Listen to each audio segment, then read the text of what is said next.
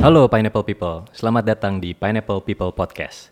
Di podcast ini kita menghadirkan tamu-tamu up and coming and aspiring young people dari industri kreatif tanah air. Seperti dari dunia arsitektur, interior design, furniture, graphic design, seni, dan juga entrepreneurship. Dan tentunya kita bahasnya santai-santai aja sambil minum kopi. Di episode perdana ini kita kedatangan teman lama gua, frequent kolaborator juga dari Pineapple, Velandro Majid dari MNTS. Halo, halo. Welcome, Bro. Thank you, thank you, Sur. Thank you banget nih udah datang nih, Bro. Sama-sama. Sebenarnya kita pengen ngerjain ini udah lumayan lama, Bro. Mhm. Eh, cuman berhubung pandemi apa segala macem, WFH, jadi Iya. susah. Cuman sekarang ya akhirnya ada kesempatan dan thank you banget Andro udah hadir di sini. Sama-sama. Bro, Yuk. lu eh, recently kan lu transitionin Bro dari Min DS Hmm. menjadi MNTS. Ceritain dong, Bro. Hmm, jadi waktu pas kita tuh sebenarnya Mindias tuh kan eh, terbentuknya 2011 ya. 2011 itu eh, kita resign dari eh, kebetulan empat empat orang itu eh, personil utamanya kan dulu dari Andra Matin kan gitu. Terus kita resign 2011 setup Mindias gitu. Tapi memang pas tahun pertama berjalan waktu itu kan salah satu partner kita Eli yang interior gitu Ya. eh, udah lepas sendiri sih sebenarnya dia. Jadi udah udah solo interior tapi tetap kayak kolaborator gitu. Kolaborator. masih masih sampai sekarang Sering gitu. bareng sampai sekarang ah. kan. Terus habis itu eh, di tahun 2014 satu partner juga eh, cabut juga dia eh, kuliah jadi akhirnya tinggal berdua gitu. Yes. Nah setelah tinggal berdua itu akhirnya eh, memutuskan untuk jalan masing-masing sih. Hmm, jadi ya MNTS sekarang itu ya solely eh, gua pribadi. Under Eh, lu ya? Under gua sendiri gitu. Oke. Berarti lu sekarang adalah eh, sole principal di Sole principal. sole principal di MNTS ya. Oke. eh, Sekian gua. bedanya apa, Bro? Perbedaan utama yang lu rasain sekarang nih? Em, mungkin sebenarnya perbedaan utama itu em, karena dulu kan suasananya selalu kolaborasi ya. Maksudnya kan kalau misalnya kita ngerjain project kan eh, selalu misalnya kadang tergantung juga sih skala projectnya gitu. Kalau Hmm, skala lu bagi-bagi projectnya- gitu ya? skala projectnya public gitu ya. Kita Yes. biasanya suka bagi berdasarkan zoning gitu kan, zoning ruangan gitu. Cuman ke- kalau sekarang gitu lebih gue leading sendiri sih. Tapi sekarang di satu sisi gue mulai encourage kayak desainer-desainer gue untuk eh, untuk mulai kayak apa Step namanya up lah ya. step up gitu. Jadi ah, eh, suasana yang gue bangun sama mereka juga kurang lebih masih tetap suasana kolaborasi sih. Gue take input gitu. Jadi ya gue appreciate apa input dari mereka juga. Tapi kita discuss dan gue guide terus semuanya sih. See, I see. Karena dengan itu lu juga bisa lebih membentuk mereka juga kan? Iya iya iya iya iya iya. Iya. Oke, eh gua udah ngikutin perjalanan lu berarsitektur udah cukup lama juga, Bro. ya kan? Dan salah satu yang gua suka dari lu dan dari Min Hmm. MNTS adalah range project lu tuh diverse banget. Ya kan, lu mendesain rumah tinggal iya, Hmm. eh, cafe iya, restoran, hotel, bahkan lu juga mendesain eh, public spaces seperti, eh, seperti taman Hmm. Iya, dan iya. juga eh, bahkan sekolah Mhm. lu apakah memang sengaja lu pengen men-challenge tim lu untuk selalu eh, mencoba hal baru, mendesain sesuatu yang baru atau gimana, Bro? Sebenarnya yang penting sih dapur kebul sur. Kuncinya itu utamanya ya. Apalagi gini. Iya iya iya iya. Enggak sih, maksudnya dalam arti kayak eh, ini mungkin agak trace back ke waktu gua kuliah sih ya, waktu pas masih di Melbourne gitu. Gue pengen ngeliat arsitektur tuh bukan sebagai satu produk akhir gitu loh. Maksudnya kayak kadang kalau orang kalau misalnya ngomong udah arsitek tuh pasti rumah tinggal lah gitu. Biasanya dia arsitek, oh ngerjain apa? Rumah tinggal, ngerjain ini gitu. Eh, atau enggak hotel atau apa. Tapi Yeah. sementara itu eh, waktu pas gua kuliah, eh, kebetulan waktu kalau di sana kan lo ada plotting studionya kan lo bisa pilih kan kayak dari small scale, medium scale sampai large scale gitu kan. Yeah. Nah, gue kebetulan nyobain semuanya gitu dan maksudnya di situ ngerasa kan kalau misalnya architecture tuh sebenarnya ada proses berpikir ya di, di bukan bukan produk ya bukan bukan output aja gitu. Jadi maksudnya itu satu pro- apa proses berpikir gitu di mana proses berpikir itu bisa di apply di segala macam skala gitu loh. Jadi kita bisa mulai dari skala residensial, kita bisa ke public sampai skala yang sebenarnya mungkin urban yang gede ya dari rumah tinggal restoran sampai public park gitu sih. Iya, iya, Jadi iya. dan itu menurut gua gitu-gitu iya, ya. komersial dan menurut gua justru eh menarik banget sih buat gua gitu. Jadi uh, di satu sisi juga kadang ada yang suka nanyain kenapa lo nggak khususin di satu ini sih komit gitu uh, atau specializing di situ gitu kan. Cuman uh, kayak mungkin dari pure passion aja sih gitu dan Iya, gue yakin dari apa yang gue pelajarin di ngedesain public space itu bisa gue bawa ke residensial terus Hmm. nggak mesti hal apa nggak mesti hal yang selalu bersifat kayak filosofisnya atau apa tapi hal-hal teknikalnya gitu even kayak drainage, uh, drainage system kayak gitu kan Hmm. gue bisa gue lumayan seneng sih karena gue bisa nge-stretch gitu gue bisa expand gitu tapi iya, sa- masing-masing gue juga bisa kayak saling feeding gitu satu sama lain Sebenarnya gitu. dari sini bisa diterapin di sini kayak iya gitu ya. iya iya iya iya iya Oke oke oke oke. Jadi nggak nggak purely cuman aji mumpung lah ya. Iya, iya, Nah, iya, Walaupun iya. ya memang kalau ada opportunity-nya dan Iya. dan lu punya capability untuk ngerjain itu ya why not? Iya, ya kan iya, sebenarnya kan? iya, iya, iya, iya. Oke oke. Eh, apa namanya gue gue tertarik sama eh, sekolah yang lu desain di Bangka, bro. Hmm, sekolah internasional. Mhm.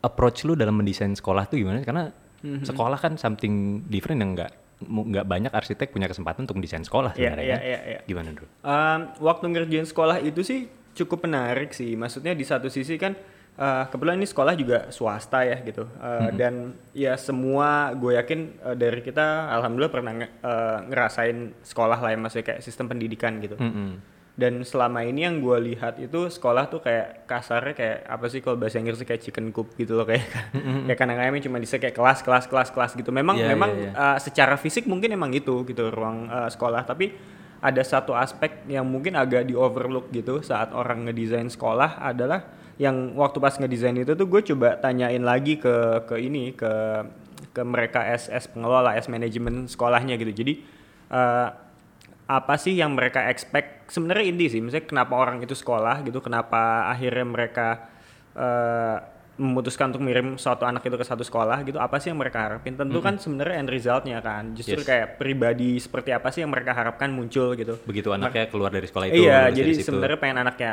ya standar lah pinter terus habis itu ada juga pengen anaknya ya jadi religius Hmm. gitu pengen anaknya bisa punya karir yang bagus tapi di hal-hal itu kan ada pembentukan karakter yang menurut gue cukup menarik ya dalam Hmm, arti kayak misalnya kesederhanaan modesty gitu kerendah hatian Iya, gitu iya, terus uh, peka sama alam itu quality-quality yang menurut gue akan dibutuhkan juga nanti kayak say 20 tahun ke depan yang mungkin udah hilang sekarang gitu. Nah Yes, waktu yes, pas yes. gua nge-approach yang desain bangka itu memang kalau ngeliat desainnya kan layoutnya kan dia melengkung gitu ya. Iya. Eh, ya gue nyoba naro. Itu sebenarnya macam-macam sih kayak ada metafor gua untuk naro kalau misalnya tengah itu kan halaman kebuka gitu ya. Jadi itu alam. Alam tuh center dari semuanya. Dan kebetulan waktu kita eh, ngerjain proyek sekolah itu juga kita eh, salah satu konsultan kita dari Finland kan Finland juga Oh, wow. waktu itu ya Oke. ada yang eh, maksudnya edukasi mereka kan Yang terbaik education ya katanya yang terbaik dunia. ha. dan memang yang ditekankan sama mereka itu adalah kedekatan anak dengan alam gitu dan Hmm. kenapa didekatkan dengan alam karena uh, yang mereka nggak mau sistem pembelajaran tuh terbatas di ruang kelas yang AC gitu tapi justru sebenarnya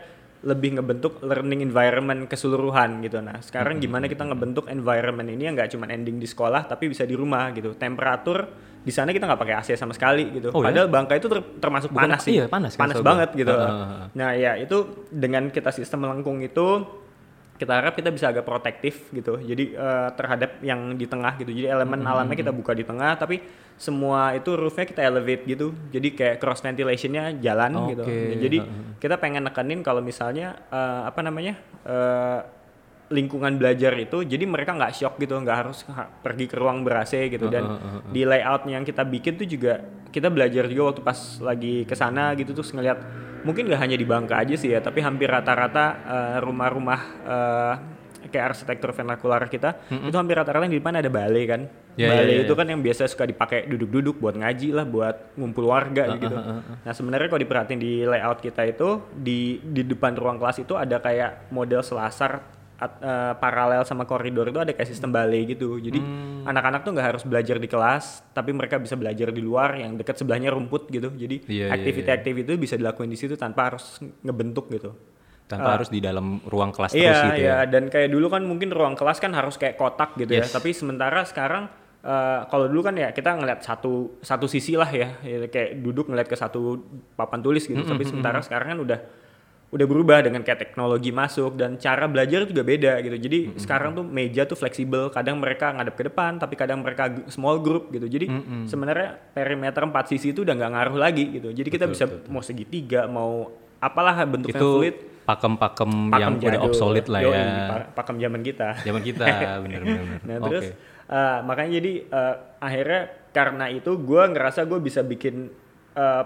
apa outline yang lebih fleksibel gitu untuk untuk Hmm, layoutnya gitu untuk meleng- apa lebih melingkar gitu. Iya, iya. Sehingga di semua sudut sekolah itu adalah ruang belajar mereka Iya sebenarnya, iya di kan? dalam di dalam kelas tuh jadi kayak kalau dulu kan cuma papan tulis meja kursi gitu ya. Yes. Nah kalau di sekarang tuh enggak jadi mereka punya reading corner jadi ada kayak di pojok tuh kayak buku-buku ditaruh library. Hmm. Itu di dalam ruang kelasnya? Di dalam ruang kelas gitu dan mereka punya program tidur siang nap time sekarang. Oh, ya? Iya jadi kayak misalnya Oke. mereka tuh benar-benar dibiasain kalau misalnya apa ambience mereka di rumah gitu kayak kursi mereka terus eh, kasur atau apa itu mereka bisa belajar di mana aja nggak harus kayak Hmm. bener-bener oke belajar harus ke tempat yang serius sepi gitu enggak enggak Iya, iya. justru kalau yang eh, di quote juga kan Tezuka sebenarnya kayak konsentrasi itu bukan namanya kayak menghilang di dalam kesepian gitu justru menemukan zona itu di lagi di tempat ramai gitu Hmm, itu interesting, sih yang interesting, yang interesting. poin yang menarik yang akhirnya oh oke ya, Iya, yang iya. bisa jadi ideas itu gitu Menarik banget ya. Hmm. Kalau zaman kita tidur siang di kelas dikemplang tuh.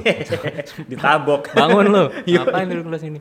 ngumpet-ngumpet di kolong iya iya iya. oke oke oke menarik banget dan eh, memang sebenarnya kan alam juga adalah tempat belajar terbaik ya Iya, iya, iya.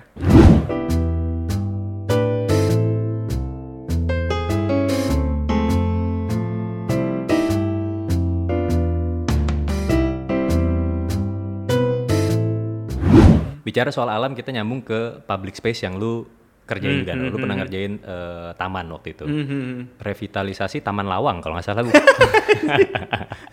Masih banyak tuh koresponden. masih ada aja? Masih suka WhatsApp. ceritain bro itu eh, tamannya gimana eh, Eh, prosesnya Iya, bukan Taman Lawang tapi. disclaimer bukan taman lawang nyambungnya nanti masih TL.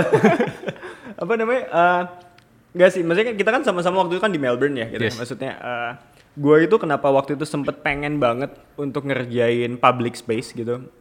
Kalau ngerjain public space itu neraka. gitu ya Enggak tergantung sama siapa sih menurut pemerintah pemerintah off the record.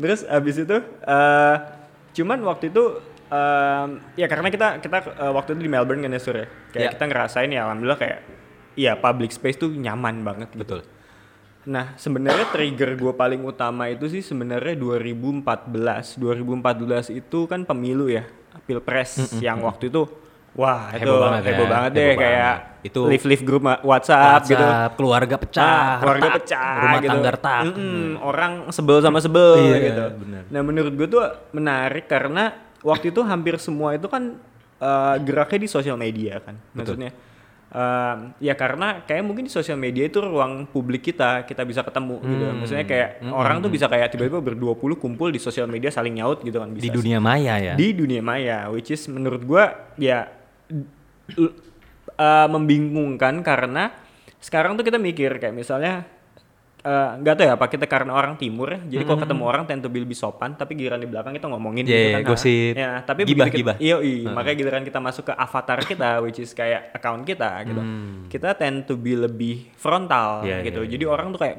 gitu ekspresif aja iya lebih ekspresif gitu aja ya. nggak ada yang tahu rumah gue di mana kok nggak ada Iya, yang tahu iya, gue iya. tinggal di mana gitu kecuali Jadi- lu ngapa-ngapain di Corbuzier Yoi, dicari sama dia dapet. dapet bahaya iya iya iya. Nah terus gue pikir makanya kok kenapa ya kita ini banget di di di kayak gini? Nah gue juga baca juga waktu itu bukunya ten- di Yangel Yangel itu city planner Melbourne. Eh, Oh, oke. eh, jadi dia banyak ngedesain sih kota-kota yang sec- very successful in term of kayak city life-nya gitu-gitu. Ah, ah, ah, dan eh, sebenarnya public space itu penting banget gitu. Karena di public space itu gitu kita itu bisa eh, ketemu dan ya intinya real ya. Apa yang kita lihat tuh real gitu. Yes. jadi eh, jarak kayak kita nih 1,2 meter itu gue udah mulai ngelihat kayak misalnya ekspresi orang gue bisa tahu kapan ini orang lagi sedih atau enggak? gitu. Ini orang lagi apa? gitu. Dan kita bisa punya eh, sesuatu yang real ya sama sama orang gitu di 2 meter, di 3 meter, di 15 meter gitu sampai cuman ini gitu. Hmm. Kenapa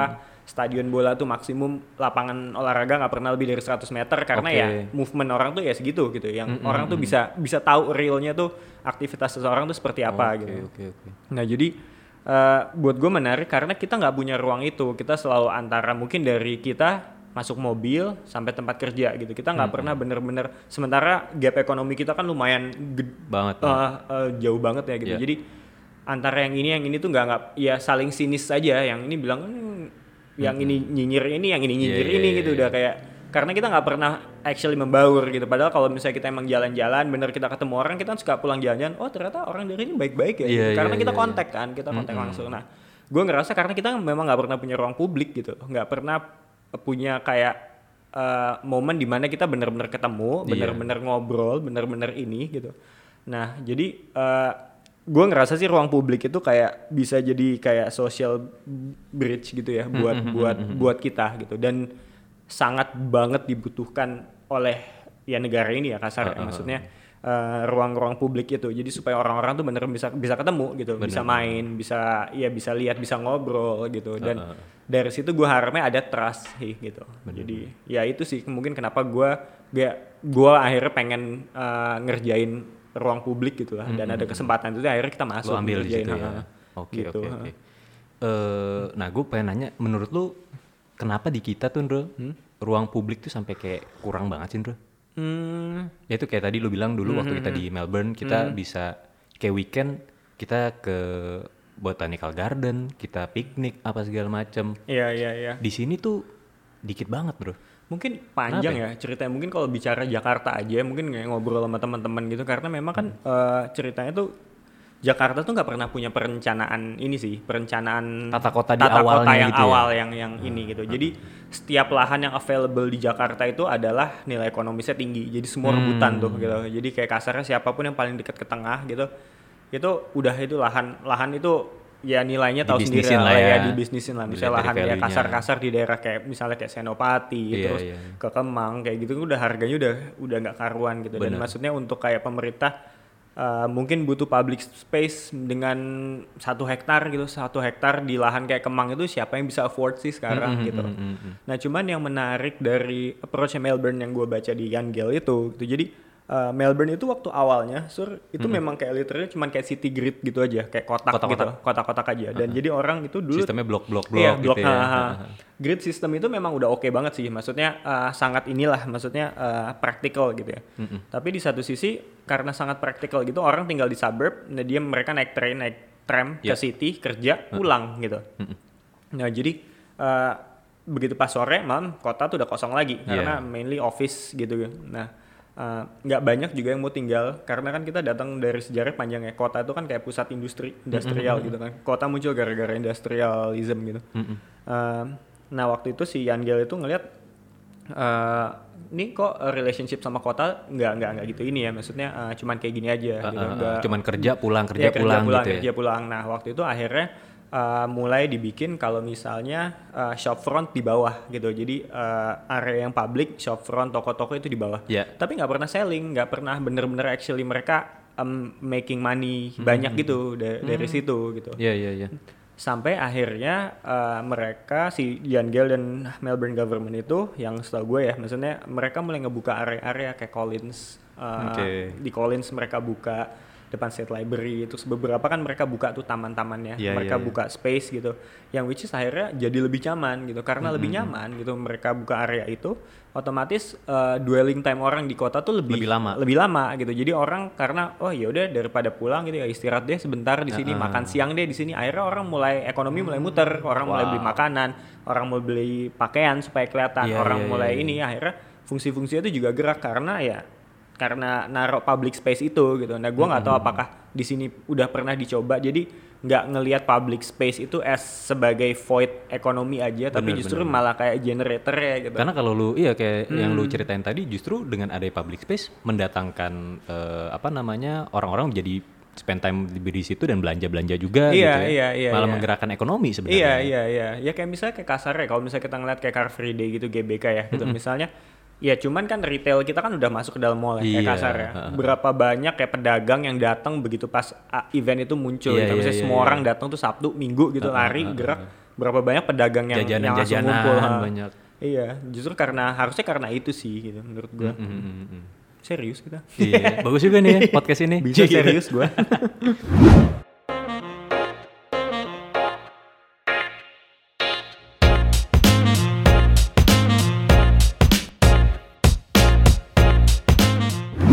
Kalau dari jadi sejauh ini eh, project-project tadi yang Hmm. yang rumah tinggal, yang taman, eh, sekolah, yang bener-bener eh, lu berkesan tuh apa bro? Hmm, sebenarnya apa ya? Eh, ya mungkin itu dia sih. Gua nggak nggak pernah bilang kayak di satu spesifik project yang gua seneng banget gitu. Eh, tapi gue lebih gue enjoy semuanya sih sebenarnya gitu. Gue enjoy proses berpikir untuk Iya. kayak pertama nemuin problemnya dulu, nemuin kayak start discussionnya apa aja gitu.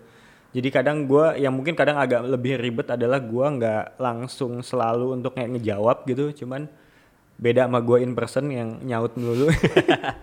Tapi begitu kerja tuh kayak justru menurut gue jauh lebih seru untuk menjawab itu gitu. Di residensial eh, mungkin karena publik kan kita eh, gue ngerasa sih eh, kalau residensial kan role owner juga besar ya gitu. Hmm. Nah sementara kalau di publik itu kita juga stakeholdernya juga gede. Cuman maksudnya eh, potensi untuk exploration, untuk discussionsnya Lebih itu luas lebih lebih ya? luas menurut gue. Iya iya iya. Gitu. Oke oke oke. Jadi public space adalah sesuatu yang menantang banget dan dan Seru sih, eh, ha. apa something yang Needed sih. needed juga ya Ha, ha, dan refreshing juga kali buat Iya lu. iya iya iya.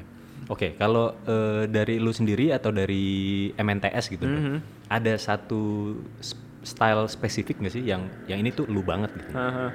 Hmm, gue tuh sebenarnya nggak mematok sih. Jadi eh gue kadang suka nanya sih kayak misalnya eh punya style apa enggak, harus punya atau enggak gitu. Kayak kadang eh Harus nggak sih, Bro?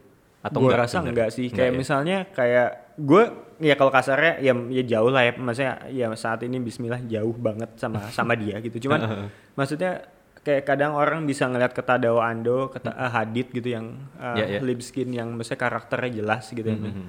Tapi ada juga yang sebenarnya kayak OME, terus habis itu ada juga kayak Herzog de Murong Ya. yang menurut gue mereka uh, ya general ideas on things, general knowledge on things on architecture gitu-gitu mereka pasti punya. Maksudnya dalam arti itu udah pasti deep banget dan Iya iya iya. cuman uh, execution yang gue lihat ya terutama kayak gue sih seneng ngeliat proyek-proyeknya Herzog de Murong gitu kayak gimana dari satu ini bisa outputnya tuh beda-beda dan menurut gue kayak spesifik banget kalau kita baca lagi spesifik banget ke brief dan konteks dari dari dari proyeknya itu sih gitu. jadi memang gue nggak mengintent untuk punya kayak satu spesifik style atau mungkin karena kemarin kita juga sempat ngobrol sih kayak kita tinggal di Indonesia yang kayak provinsinya segitu banyak culture-nya segitu banyak Beda-beda banget. beda-beda banget gitu. Apakah dan kebetulan waktu kita kerja awal itu juga kayak proyeknya lumayan kesebar kan gitu. Jadi mulai ada ya di Bali di terus habis itu ya di Jawa ada beberapa Iya. gitu. Jawa juga nggak cuma Jakarta gitu. Habis itu kita sempat ke Makassar kita sempat ke Papua gitu. Jadi maksudnya eh, justru karena banyak jalan-jalan ini gue nggak intent untuk punya satu spesifik sih tapi Iya, lebih iya, iya. untuk spesifik di tempat itu gitu tapi bukan Hmm. bukan gua maksudnya bukan nggak nggak semuanya tentang gua gitu maksudnya arsitektur Oke oke oke oke. Tapi kalau misalkan eh, lu di ada project datang ke lu nih, Bro, Hmm, hmm, hmm. untuk mendesain sebuah eh, style yang mungkin sebenarnya nggak banget Iya. buat lu, buat style lu. Katakan tiba-tiba proyek gede nih, oh mau bikin spa dengan desain klasik, dengan pilar-pilar, keriting-keriting kayak gitu-gitu. Yang mungkin itu eh, jauh dari style lu, Iya, jauh iya. dari dari apa gaya desain lu. Tapi would you take it? Enggak sih Enggak ya? enggak sih kayak maksudnya gue punya limit di mana kayak eh, gua mencoba ini tapi in in some way kan yang kalau dalam project kan relationship lo nggak cuman kayak sehari dua hari kan sama orang. Mm-mm. you build kayak two years three years four years mungkin sama satu project gitu.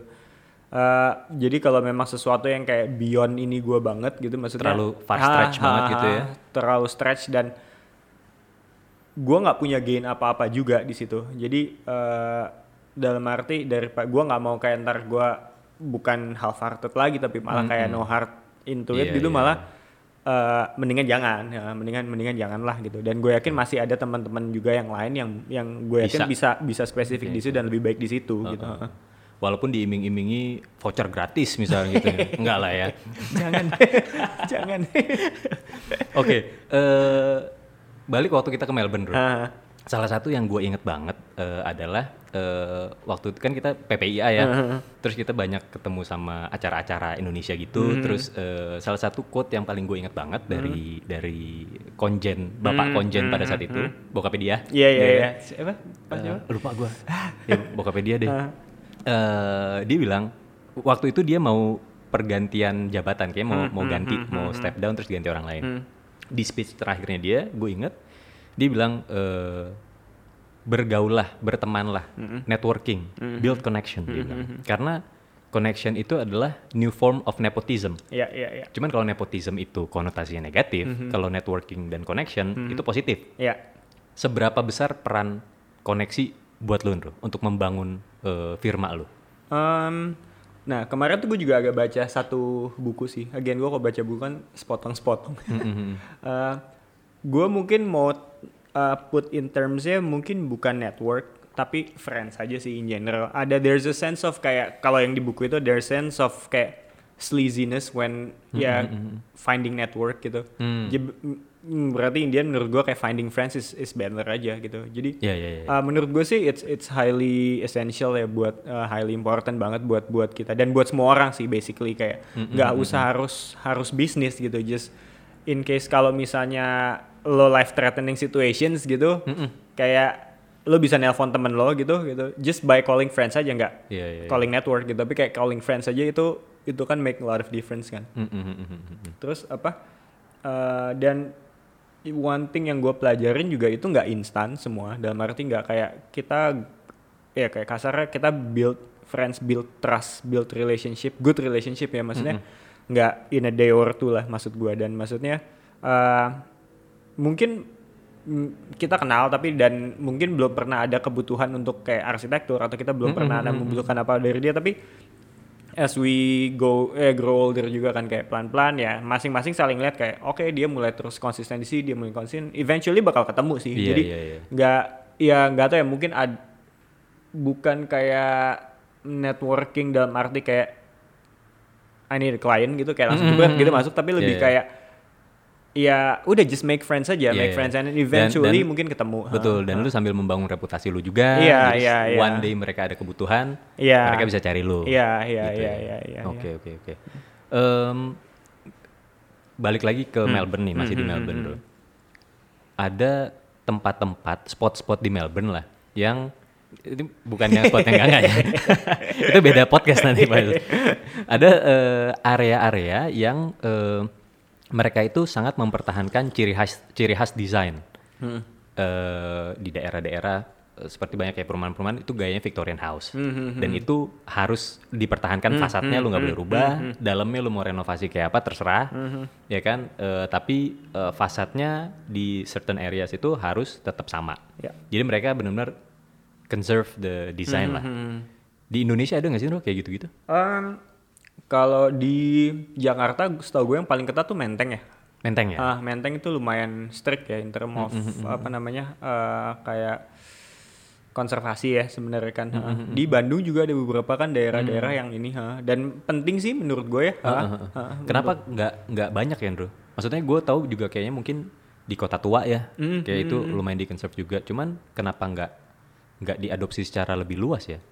Dan di dan apa ya? Kayak ya jadi jadi desainnya tuh kayak kita nggak punya ciri khas gitu loh, Bro. Iya iya iya iya iya iya. iya. Eh, pertanyaan yang bagus tuh. Cuman iya gue sendiri juga bingung sih kadang-kadang kenapa. Eh, tapi menurut gue yang penting juga sih eh, kayak misalnya kita ngeliat kayak kota tua ya gitu. eh, mereka harus sustainable juga sih di satu sisi ya. Maksudnya nggak bisa kayak oke ngekip fasad tapi dalamnya nggak diberikan satu fungsi baru atau apa-apa gitu ya. Karena kalau misalnya nggak di ini apa ya lama-lama decaying juga kan menurut gua. iya, ha. benar. Jadi kayak kayak di Melbourne eh, GPO Iya, post iya, office iya, dulunya iya, jadi iya. kayak retail space Iya ya, sebenarnya jualan justru menarik apa. banget kan kalau Iya kalau bisa ketemu itu. Cuman memang kalau bangunan-bangunan yang besar kayaknya semakin semakin ke selatan ya kayak kasar kita ke sini mungkin memang semakin gak ada ya karena memang kan kota kita kan berawalnya dari dari sana kan dari pelabuhan kan terus Iya, iya, iya. bergeser ke sini makanya banyak makin baru makin baru gitu iya ya. iya dan sementara mungkin itu dia kali ya kayak eh, karena yang baru udah di sini kita untuk me jam start ses- segala sesuatu di sana tuh mungkin udah nggak ya untuk masukin fungsi baru ke dalam bangunan-bangunan itu tuh udah nggak nggak ini ya nggak apa ya nggak tahu apa mungkin mereka dari bisnis side nggak profitable gitu Ah, ah, atau ah. apa gitu tapi sebenarnya menarik banget ya menarik banget menarik banget gitu ya. ha. kayak di Semarang juga udah mulai setahu gue ada beberapa temen yang ngerjain proyek di Semarang udah untuk eh, apa mereka udah mulai alih fungsiin bagian dalamnya gitu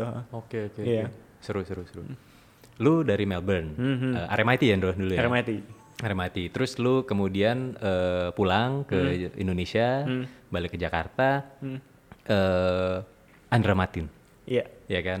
Eh, sekolah arsitek paling ngetop juga nih, Andra. Apa yang lu Crash pelajarin? Crash course. Apa yang lu pelajarin dari The Great Andra Matin? waduh. Eh gue nggak mungkin ya kalau dibilang lama nggak lama banget juga kan mungkin dua tahun setengah tiga tahun lah ya di sana ya including waktu gue eh, jadi gue udah dari magang sih sebenarnya di sana gitu jadi sebelum gue selesai master gue S2 gue gue udah udah Magang magang, di di di Masaang gitu apa yang gue pelajarin dari dia sih sebenarnya banyak banget gitu dalam arti kayak menurut gue kampus gue tuh lumayan konseptual ya dalam arti kayak kita diajarin untuk berpikir maksudnya ya eh mungkin ya konseptual ya mungkin ya Iya, kayak iya, kata iya. yang Uh-uh. paling ini ya jadi berpikir arsitektur konseptual tentang konteks tentang gimana ya, kayak Design ngebaca thinkingnya ya design ya. thinking ngebaca segala sesuatu gitu ha. Eh, tapi non about technical atau mungkin gue agak retard di bagian technical waktu gue kuliah Atau mungkin lu bolos waktu kelas itu? Mungkin mungkin Iya. mungkin mungkin itu ha. jadi jangan salahin kampus gua mungkin salah gua jadi eh, nah waktu begitu pas gua balik itu ya memang langsung masuk ke industri kan Yes. industri ya bottom of the food chain dan gue bener-bener kerjain ya kayak kasarnya ya kalau baru masuk ya lo toilet deh gitu. Iya, iya, iya, iya. kerjain toilet gitu dan kita tuh kan nggak pernah kayak se ngerjain toilet itu kan kayak kadang selalu excited sama big ideas about project dan ya Mm-mm. tapi itu yang diajarkan di uni- university di kan? uni Ah, university ngajarin kita tuh kayak ya think big ya misalnya Yes. tentang satu project gitu tapi begitu pas kita masuk ke industri well industri itu uh, actually making it gitu Iya, udah iya, nggak iya. tentang konseptual lagi it's Ah, ah, about ah. kayak making it datang ke lapangan dan ini gitu Ini real world-nya nih Iya ya. real world-nya gitu. Dan mungkin kalau misalnya dulu waktu pas di eh, kampus kan kasarnya kita belajar per semester ya. Kayak per semester itu ya gue bisa kayak proyeknya beda-beda kan. Semester ini gue ngambil proyeknya tadi gue bilang small scale nih, medium scale, large scale gitu. Topiknya beda-beda gitu. Iya. Tapi sementara mungkin waktu pas gue masuk di Masaang itu eh, ya dua tahun lah kasarnya dua tahun Mhm. itu memang benang merahnya Masaang tuh kan udah udah udah jelas banget ya. Maksudnya kayak passion utamanya dia di mananya gitu. Jadi ada sesuatu yang konsisten aja mau projectnya beda-beda gitu eh, tapi ada satu benang merah yang konsisten gitu maksudnya. Oke. Uh, dan di dia tuh gue lebih kalau dulu mungkin gue banyak ngeliat buku gitu waktu di di Melbourne. Mungkin gak gue jauh lebih peka terhadap arsitektur saat gue mulai kerja gitu Mm-mm. kalau dulu di Melbourne lucu aja begitu pas gue mulai kerja terus gue balik ke Melbourne gue jadi lebih sensitif sama Oh, sama bangunan kayak iya, dulu iya, tuh sama part of- arsitektur kotanya. sama arsitektur kotanya gitu tentang detail tentang apa Iya, apa pun iya, tuh gue jadi lebih sensitif gitu Mm-mm, yang ya kayak ten sebelumnya kan kayak uh, lo overlook lah ya karena it's, it's it's a daily thing aja Iya, gitu. iya, iya. Tapi begitu pas balik terus gua dimasang jadi Lu lebih sensitif. uh. Appreciate little beauties-nya. Iya iya iya ya, dan dan uh, detailnya. hal-hal yang enggak yang enggak kasat mata sih sebenarnya enggak yang figuratifnya sih Mm, mm, tapi mm, lebih ke arah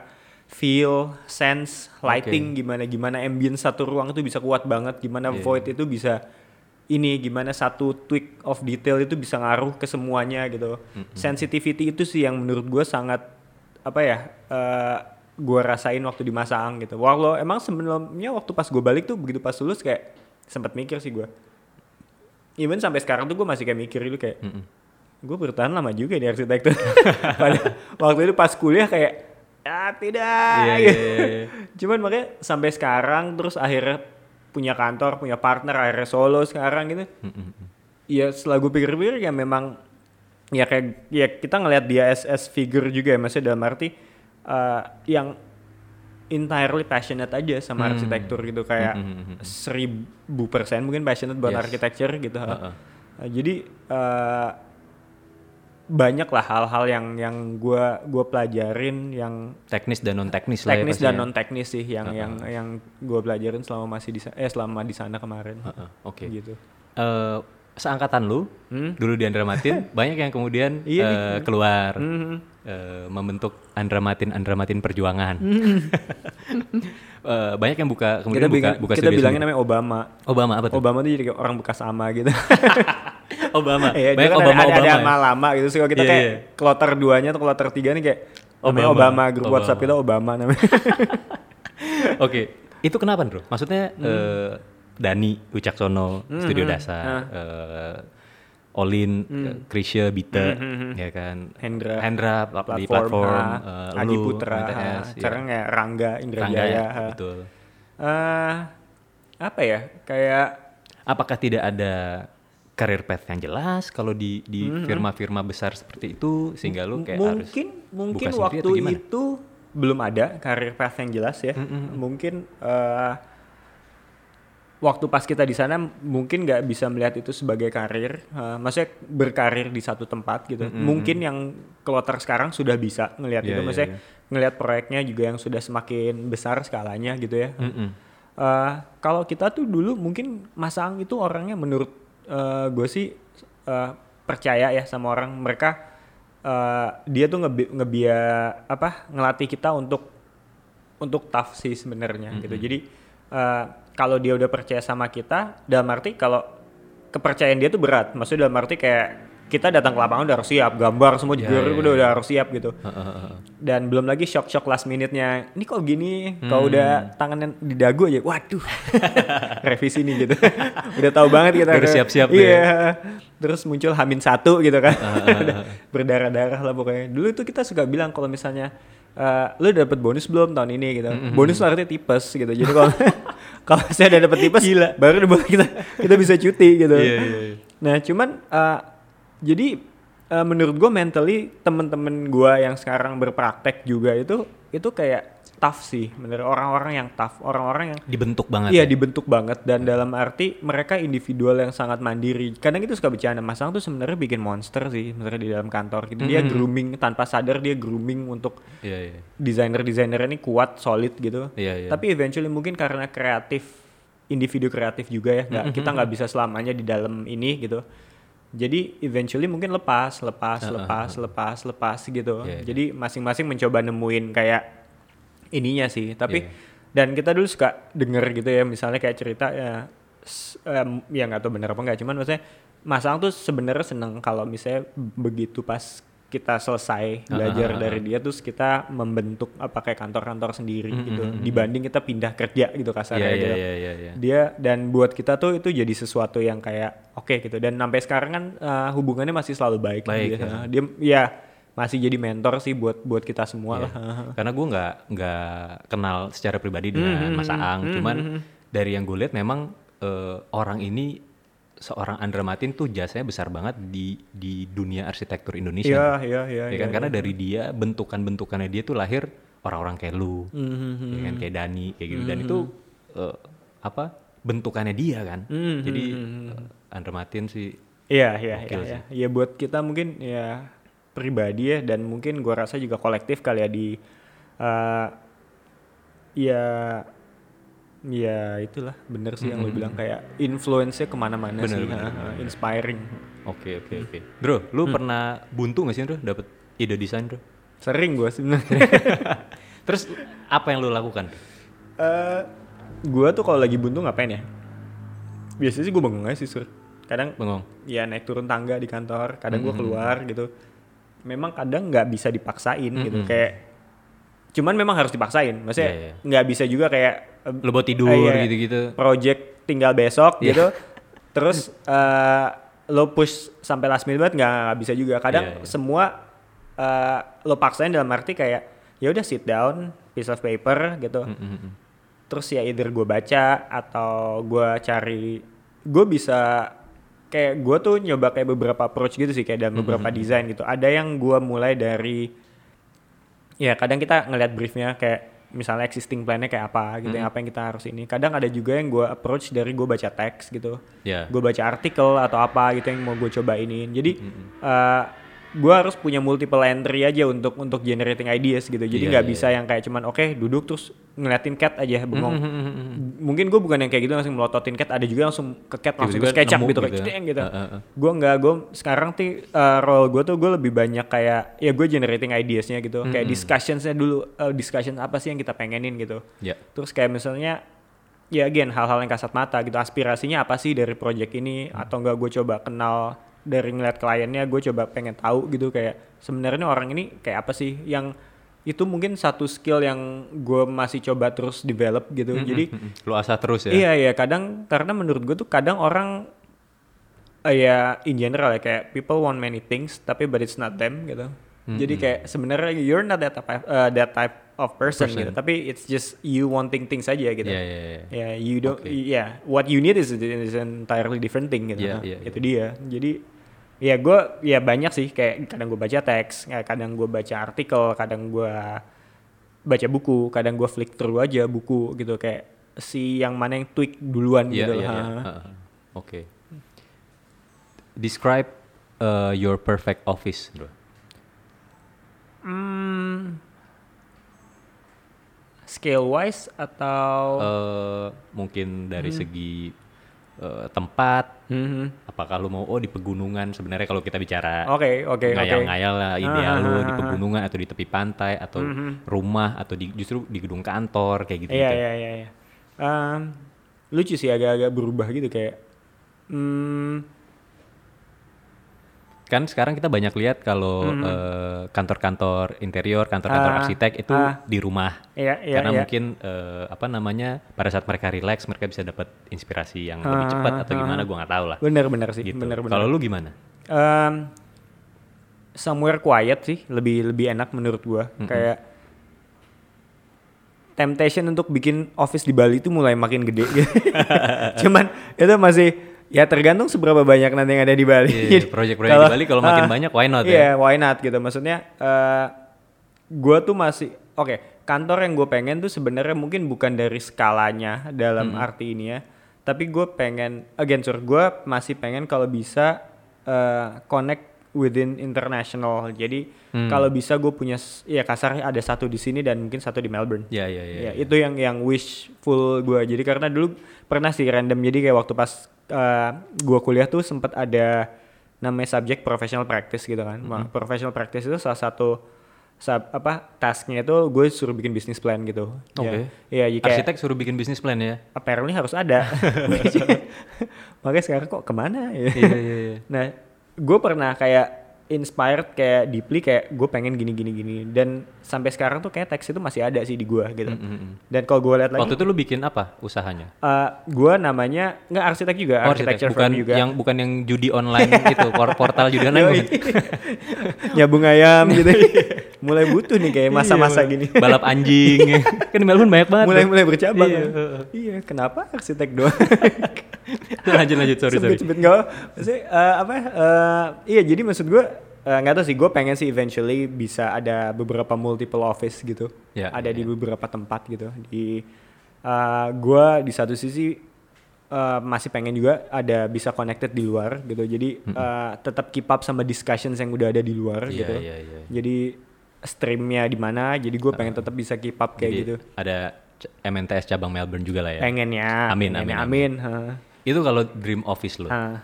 Kalau dream project Ndro? Dream Selain project. yang spa klasik tadi ya. Selain itu. Eh, karaoke anjing. Sebelahan.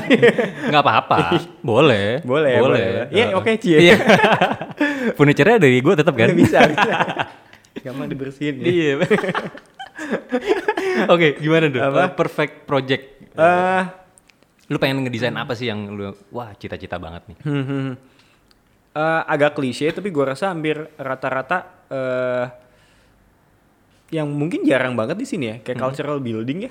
Cultural building. eh, bisa jadi kayak small museum atau apa gitu, small gallery. Menurut gua menarik banget gitu untuk Iya, untuk iya. didesain karena eh hampir kan tahun depan gue 10 tahun tuh kayak maksudnya Congratulations, wow. thank you tahun Hampir satu dekade berarsitektur ya. masa-masa berat tuh. Iya, iya, iya, iya. Ulang tahun ke-10 jadi. Nice, nice, nice. Terus eh, iya cultural building tuh lumayan jarang ya kita ngerjain di sini. Maksudnya residential, public, commercial gitu, terus restoran deh.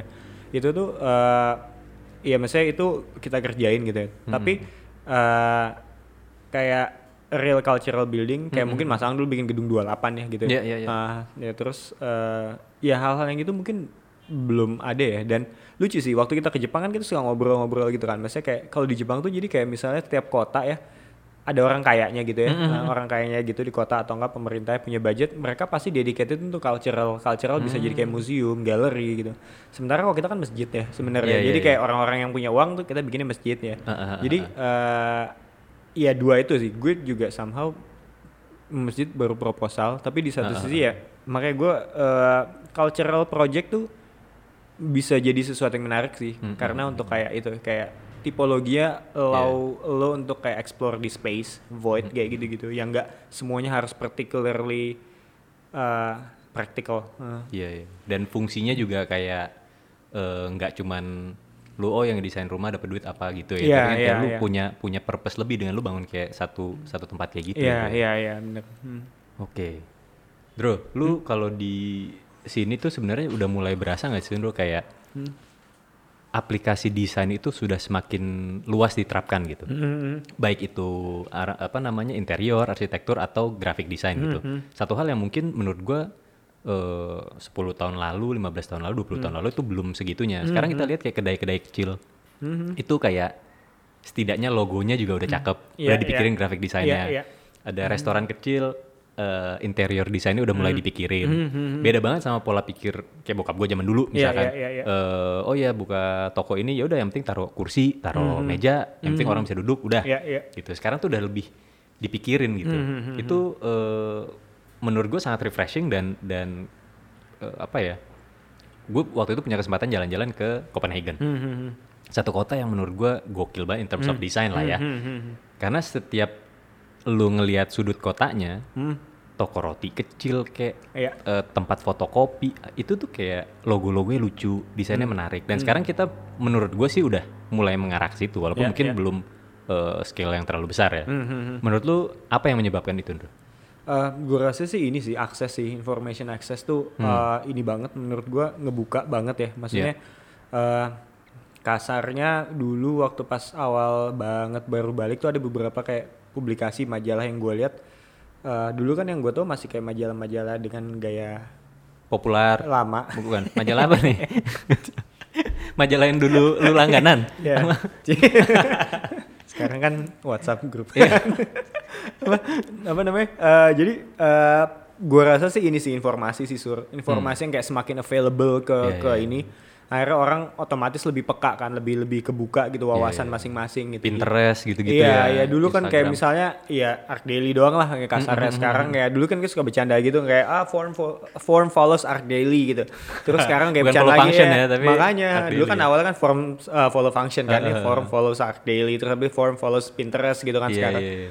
Jadi suka belum lagi apa namanya ya Instagram kayak Mm-mm. apa ya kayak kita tuh nggak bisa escape yang namanya di, dari ini kan digital development itu udah udah iya. entirely nggak bisa gitu sih. Ah, ah. Jadi ya itu informasi ya benar-benar available untuk semua orang sih sekarang gitu. Dan accessible banget ya. Hmm, hmm, kayak lucu sih, maksudnya kayak even dulu eh, lu pasti SMA pernah pakai ini dong, kayak sendal-sendal kulit gitu-gitu. Iya, Yongki Komaladi, ya. Yongki. Gue sebenarnya kadang suka mikir ke belakang terus gue belajar dari mana kita dapet tren itu gitu. Maksudnya kayak gimana ya? Maksudnya kayak Dan apa? lu saat itu lu, lu merasa keren kan pakai itu? keren Ndro? banget. Keren banget. Turtleneck gue sama itu gila nggak di Jakarta. Di Jakarta ya. Pakai- Anjir turtle.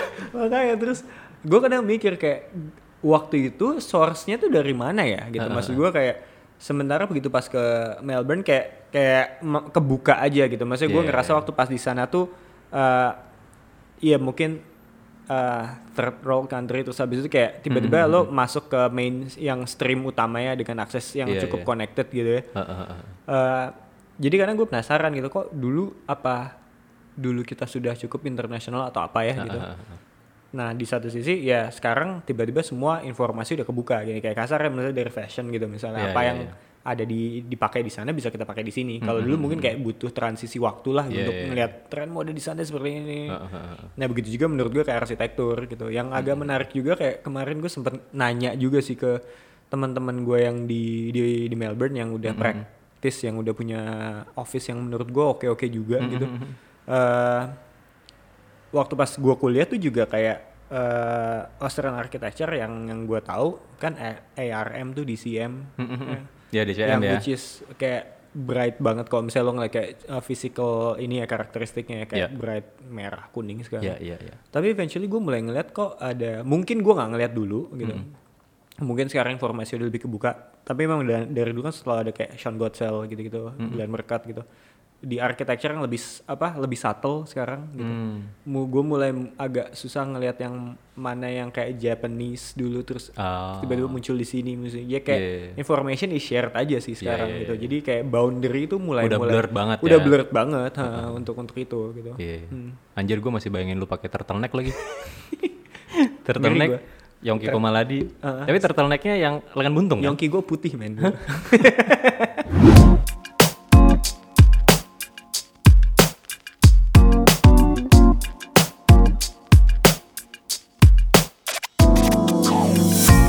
Bicara soal fashion ini. Nah, ini ini apa namanya fashion arsitek nih. gue bingung nih. Kenapa semua arsitek itu suka pakai baju hitam sih? Lu hari ini lagi nggak pakai baju hitam. Cuman kadang gue sering ketemu lu lu pakai baju hitam. Gue pernah ke acara kumpul-kumpul arsitek itu, gue nggak tahu gue ngapain di acara kumpul-kumpul lu arsitek. pakai kuning Sorry, tapi arsitek-arsitek itu semua pada pakai baju hitam. Kenapa, Ndro? gue nggak ngerti sih sebenarnya gue juga entirely nggak ngerti terus kayak aw- tapi becomes an habit aja ya. Hmm. tapi kalau the nature dari clothing ya clothing itu kan sebenarnya nggak who you are Mm-mm. it's how you want people to see you Mm-mm. jadi eh, yang lo pilih warna itu it's gimana lo mau diportray sama orang gitu Uh, uh, uh.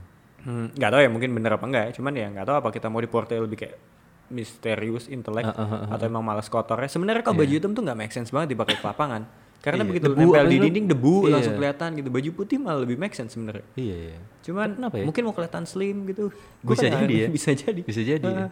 kalau gue masuk ke navy jadi kayak maksudnya Ah, ya mungkin itu dia gitu gue ya. mau kelihatan serius padahal dulu waktu kecil tuh kalau gue main sama Olan ya sama adik gue kan gue selalu yang kayak pengen goggle red gitu ya gue yang merah sementara dia yang biru Warna-warni gitu ya. ah, pelan-pelan kok lama-lama gue jadi lebih suka biru gitu semua Karena gue inget tua. juga eh, zaman di Melbourne lu sukanya pakai kemeja bunga-bunga, kancingnya lepas tiga. latex lu apain tuh koleksi-koleksi lu?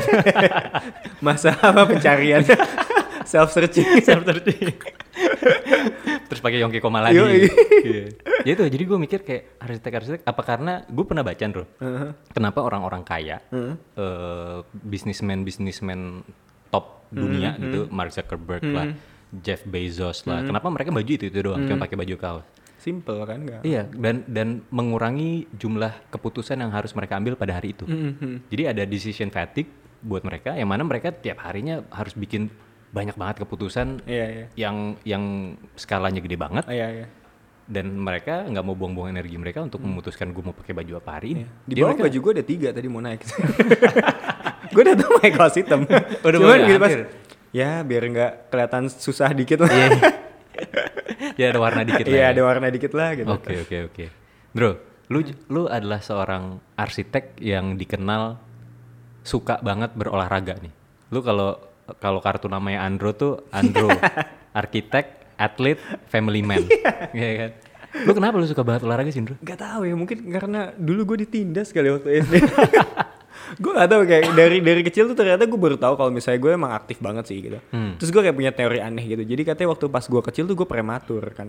Oh gitu? jadi gue tuh lahir 7 bulan. Oh ya? Nah, jadi Oh, oke. gue ngerasa kayak gue emang gak sabaran kali orangnya. Jadi kayak pengennya cepet-cepet keluar, cepet-cepet gerak gitu. Jadi kayak Hmm. oh mungkin gue gitu kali ya. Terus ternyata gue waktu kecil memang aktif banget gitu. Iya, iya, iya. Nah waktu SD, SD itu kayak ini kayaknya ternyata gue emang bottom line gue sekolah olahraga tapi motivasi gue ternyata berubah dari tahun ke tahun gitu Mm-mm. waktu SD zaman zaman kita itu dong apa namanya Kasti, last kasti. dance last dance, Last Dance. Jordan Oh iya, iya, Nah, iya, nah, iya, jadi kan iya. pasti kan NBA ya, NBA juga. gitu. Jadi siapa yang bisa main basket tuh kayak keren Iya, gitu. iya, iya. Padahal gue waktu itu levelnya masih kasti bener.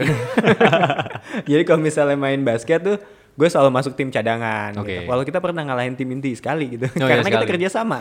Oke. Mereka individual semua. Cuman uh, selalu suka. Tapi basket nggak pernah benar-benar pick up di gue gitu. Terus habis itu bola lah. Kita Bola, main bola banget yes, kan. Ah. SMP gue nemuin bola itu eh, dan memang ternyata gue orang yang cukup obses. Ya, maksudnya Ah, kalau gue nemuin sesuatu yang gue suka tuh gue obses gitu. Gue Mm-hmm, inget sih eh gue tuh bisa yang kayak sejam dua jam tuh kayak antar sore gitu. Gue Mm-hmm. cuman di garasi mobil kan tiga kali 5 meter. Uh-uh. Itu gue cuma nendangin bola ke dinding aja. Cuman buat benerin gimana caranya passing gitu. Iya, gimana iya, cara iya. nendang pakai punggung. Itu gue bisa kayak gitu dua jam dan bokap gue tuh Wow. bisa lihat gue kayak gitu. Heeh, heeh. Tiap pulang sekolah gue main bola Pasti. pasti main Pasti. bola dan sampai bokap gue ngomong lu mau jadi apa gitu kan terus kayak kadang-kadang Gue pernah ditanya bokap gue gitu, gue jawab gue mau jadi pemain bola tuh. iya Diketawain sama dia. iya gue disuruh itu apa mau ditabok karena gue keluar dari mobil gue banting pintu kamu ya mau jadi ya itu dia ya mungkin mungkin nggak tahu ya kalau misalnya kita ngelihat kita sekarang ini ya ya Hmm. belum successful banget tapi minimum mungkin Bismillah kalau itu juga fokus Ya, ya. mungkin Insya bisa Allah cari jadi makan, lah. insya Allah Ya. bisa cari makan. Kayak saya motiva eh, motivasinya sama sih gitu. Terus ya ya kuliah kita main bola gitu dan ya sama fokus juga. Cuman tim lu kan tim juara waktu kuliah. Tim gue tim Masa-masa jaya. tim kalah mulu. yang penting happy, yang penting happy.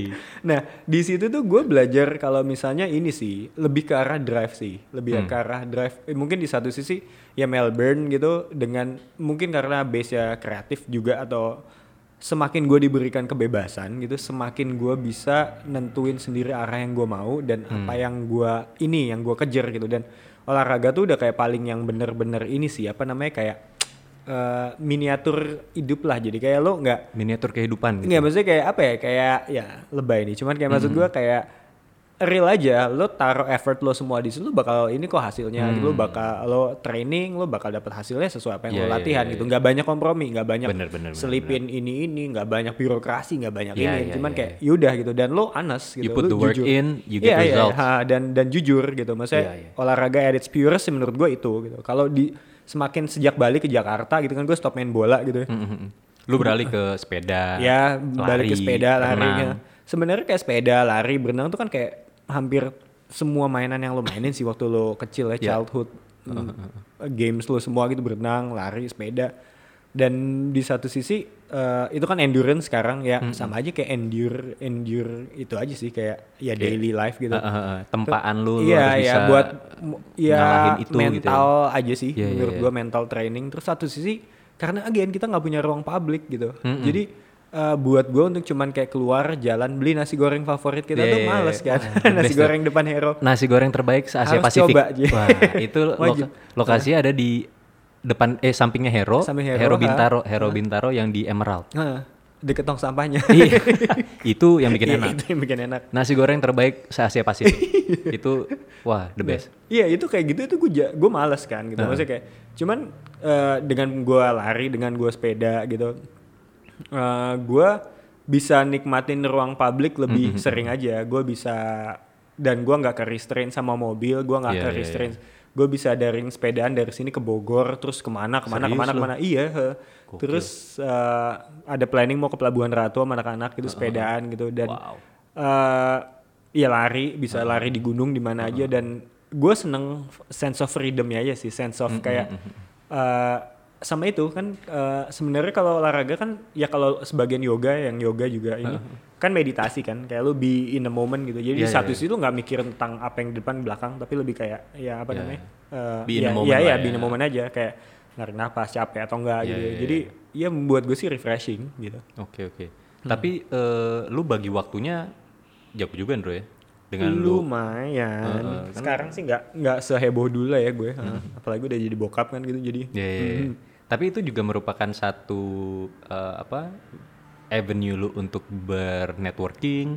Hmm, bisa bisa, Bisa sih juga maksudnya ya? bisa karena ya setelah gue trace back ke belakang ada beberapa kayak yang nggak 100% tapi mungkin kayak beberapa yang ya either proposal atau enggak Hmm, emang kayak kerjaan yang nongol dari situ gitu. Ah, oke, Dan oke. kebetulan karena mungkin ya kayak kasarnya sekarang sepeda tuh juga bukan hobi yang murah gitu kan. Maksudnya kayak ya tergantung juga sih sebenarnya entry point lo di mana gitu Iya, kayak iya, iya. maksudnya. eh, cuman ya eventually ternyata gue meeting a lot of interesting people juga Hmm, gitu di situ gitu ya again sama-sama network kan juga nggak nggak Iya, apa lu friendship nggak perluas nggak- eh, friendship lu Iya, aja lah ya. heeh. Dan bottom line emang gak, gak pernah niat intent untuk nyari, cuman lebih Betul. kayak main and then Iya, iya, iya. Karena kalau misalnya di olahraga lu kan ada kayak kasar share pain gitu loh. Hmm, itu jauh lebih apparently itu jauh lebih apa ya? eh, bondingnya tuh jauh lebih kuat daripada lu sekedar kayak meeting people Iya, iya, randomly iya. and then ngobrol gitu. Ah, Tapi ah, begitu lu punya kayak share pain gitu, ah, it goes deeper aja Iya, gitu. iya, Jadi iya. lo sama-sama capek bareng, sama-sama ini bareng itu jadi lebih ini sih. Iya, gitu. iya. Hmm, Seru sih. Interesting, interesting.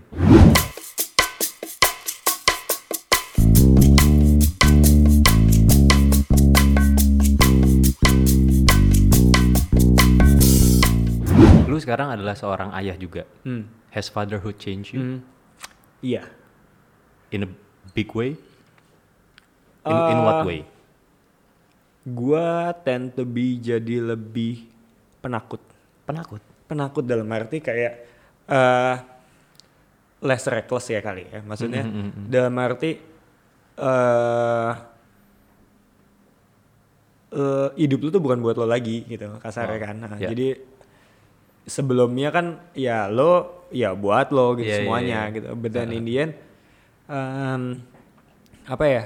eh, mungkin ya lo sama gue sama-sama ngelewatin masa itu sih. Tapi waktu Mm-mm. pas eh, Benny Mm-mm. uh, passed away Oh iya iya. iya. itu gue masih ngebekas sih di Hmm. gue nggak pernah yang kan again ya kan uh, Benny jauh lebih deket ke kalian ya gitu ya waktu itu ya gue waktu itu belum nggak sempet eh, kenal sama Iya, dia, iya, cuman iya. gue tahu di teman-teman Iya kita iya iya dia iya. adalah Maksudnya sosok itu yang lumayan yang lumayan mukul gue banget sih waktu itu dan yang waktu itu gue memang belum belum punya anak gitu ya belum Iya, iya. nikah juga gitu. Mm, mm, mm. Cuman gue ngelihat yang waktu ya kasar ya nggak mau berotap lagi sih. Cuman Hmm. ada momen kayak pas anaknya kayak mau ngebangunin dia itu sih. Dan Ah. itu kayak ya gue eh, nggak ini sih. Maksudnya kayak nggak tahan lah gue ngelihatnya. Terus Iya, eh, Iya begitu pas lo punya anak kayak ya hidup lo tuh bukan buat lo lagi lah maksudnya. Iya lo uh, enjoy gitu lo harus enjoy lo keep things in balance gitu kayak for sanity for uh, kerjaan juga Iya, karena iya, nggak iya. mungkin semuanya lo fokus mm, di satu tuh semuanya ini. Of gitu. course, of course. Mungkin uh, bukan penakut ya, lebih kayak well balance kali ya. Mm, mm, mm, Dan less reckless, iya. Gue masih reckless dalam arti kayak masih suka sepedaan gak jelas keluyuran. Ah.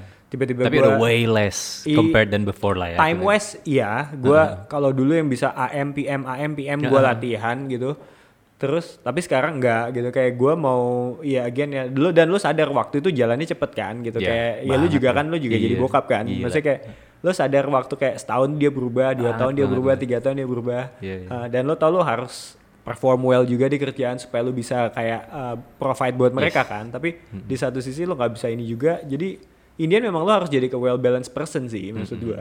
Jadi ya keeping me grounded iya gitu. Tapi di satu sisi uh, again ya mungkin gue Jadi coba motivasi juga pasti kan. jadi motivasi juga. Dan maksudnya lu juga nggak bisa menye di depan dia. Karena uh, lu nggak bisa kan lu ntar pasti ngalamin kan kayak misalnya lu ngasih tau you can tell him what to do tapi dia cuman bakal ngopi lo aja yeah, gitu you gotta show him. iya iya iya dan yang things yang lo unconsciously showing Mm, mm, mm.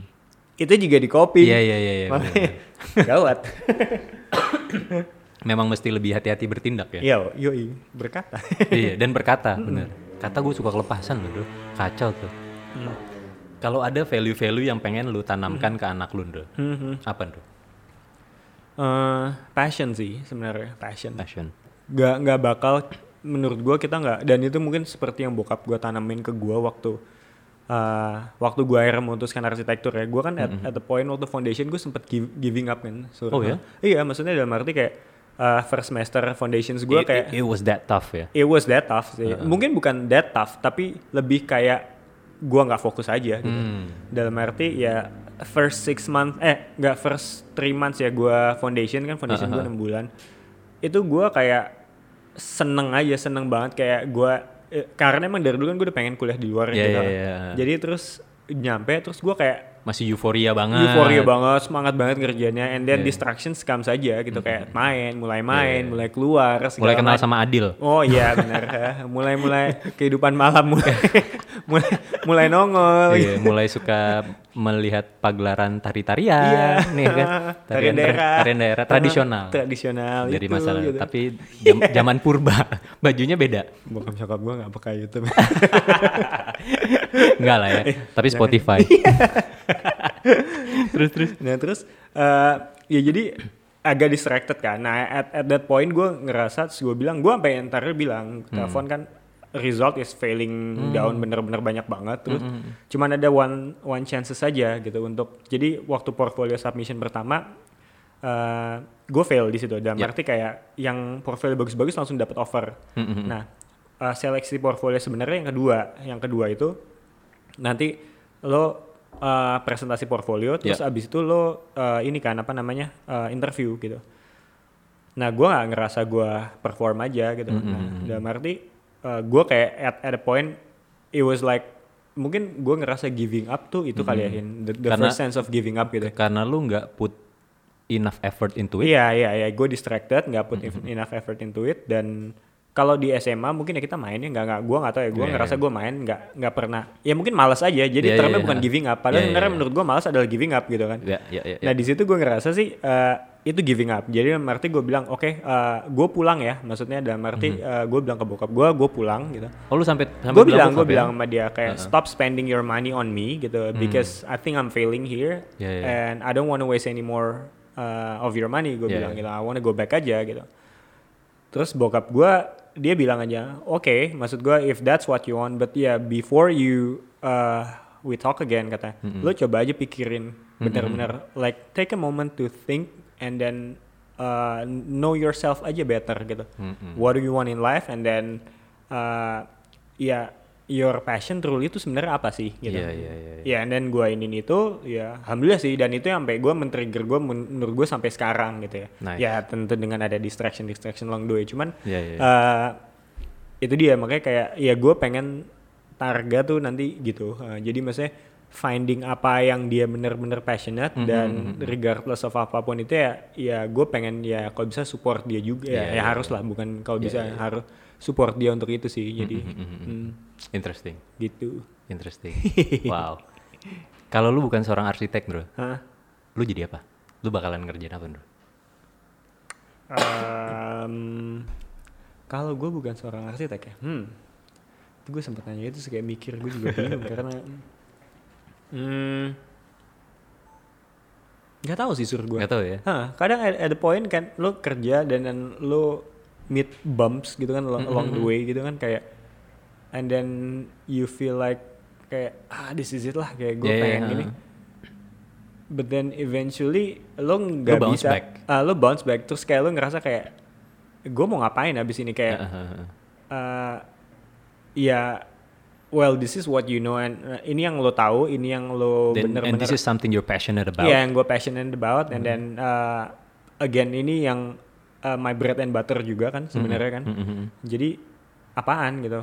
Lo mau jadi atlet? Nggak bisa, udah telat banget lo. iya, iya, iya. Eh, terus ya makanya kayak uh, enggak sih, gue nggak nggak pernah kebayang apa pun. Even Iya, kayak iya. beberapa mungkin kayak uh, momen-momen udah bener-bener ada sih kayak titik-titik pusing banget. Cuman heeh.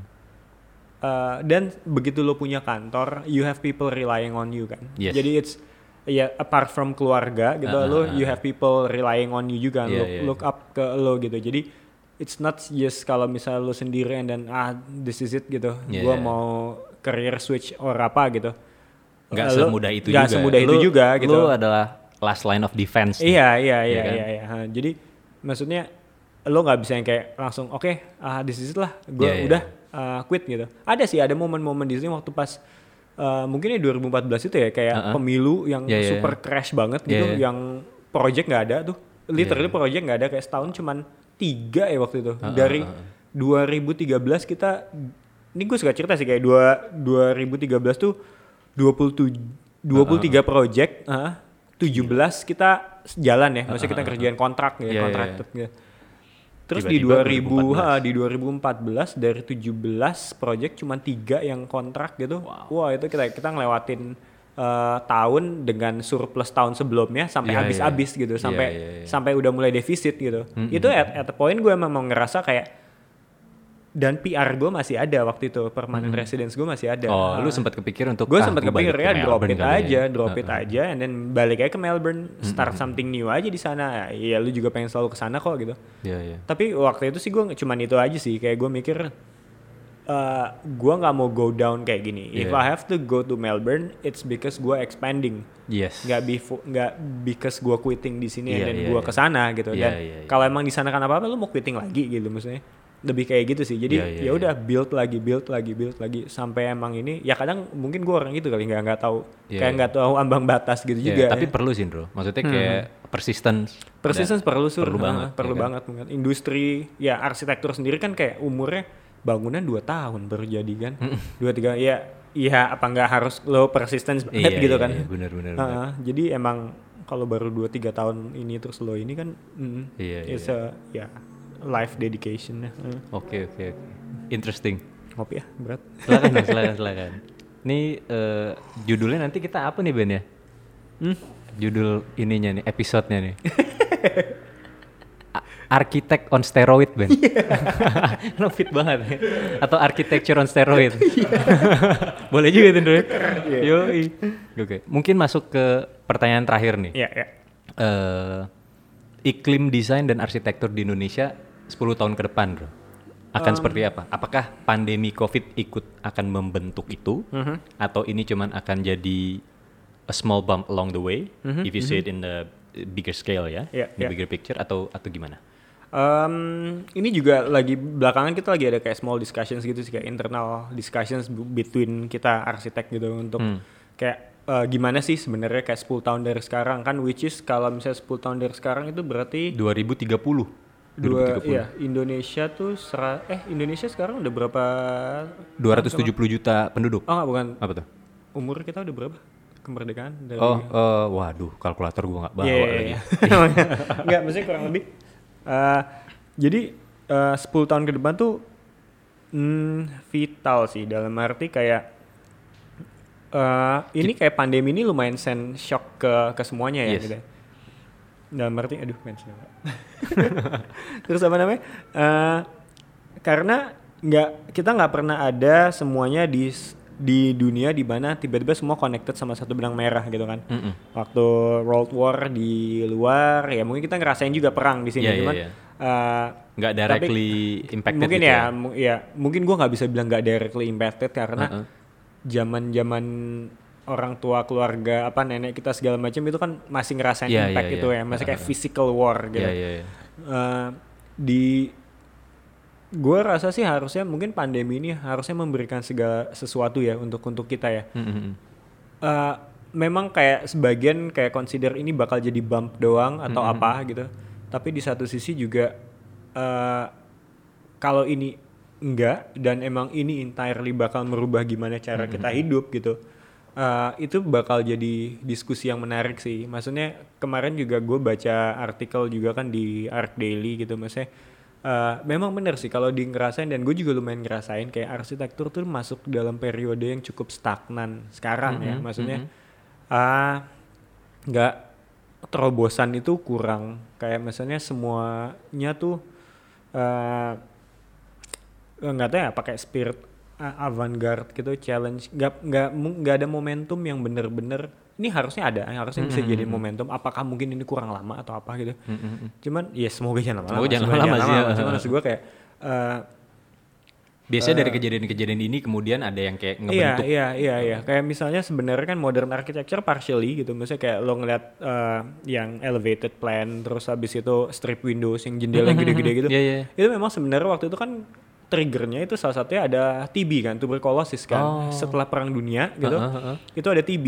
Nah, efeknya TB karena rumah-rumah waktu itu kan emang ke, ya, Ventilasinya ventilasi nggak bagus. kurang. Heeh. Akhirnya ya karena lingkungan hidupnya kan yang yang nggak nggak bagus gitu Betul, kan. betul, betul. Nah, terus eh ya anjuran dari dokter, ya coba jendela-jendela lebih dibuka, sanitasi Oke. lebih bagus gitu. Itu akhirnya rumah diimprove. Nah, ya itu partially memang ngelahirin beberapa guidelines di modern architecture sendiri gitu. Oke. Nah, gua nggak tahu apa kalau sementara ini kan ruang publik yang jadi challenge kan gitu. Hmm, hmm, hmm, hmm. Nah, jadi ya kalau kita gimana how kita act di ruang publik itu yang sebenarnya jadi jadi challenge utamanya kan nanti Iya, iya, gitu. iya. Nah, gua harap sih itu sih. Gua yang gua harap dalam 10 tahun ke depan eh, arsitektur tuh nggak diem lagi, tapi mulai bangun dalam arti kayak eh, mulai berani lagi untuk Mengeksplorasi explore lagi terobosan-terobosan untuk baru. terobos lagi gitu Hah. mulai nggak mendayu da- terlalu lama mendayu-dayu kadang gue suka ngerasa juga eh, kalau arsitektur kita ya mungkin ini self kritik buat gue atau juga kayak Hmm. eh, ya mungkin kita Melayu ya suka Iya, iya. lagunya yang enak-enak gitu kan enak-enak nyaman-nyaman Efek rumah kaca. yoi bener tapi itu emang enak Iya. terus eh, tapi kalau misalnya di luar kan kita juga banyak kita kayak expose sama genre musik yang banyak banget kan gitu kayak Iya. suaranya beda-beda gitu. Nah, kenapa kita cuma punya satu suara gitu, nggak pernah punya suara yang kayak bener genre musik yang entirely lain gitu loh. Jadi yang Mm-hmm, bener-bener loud, bener-bener critical gitu.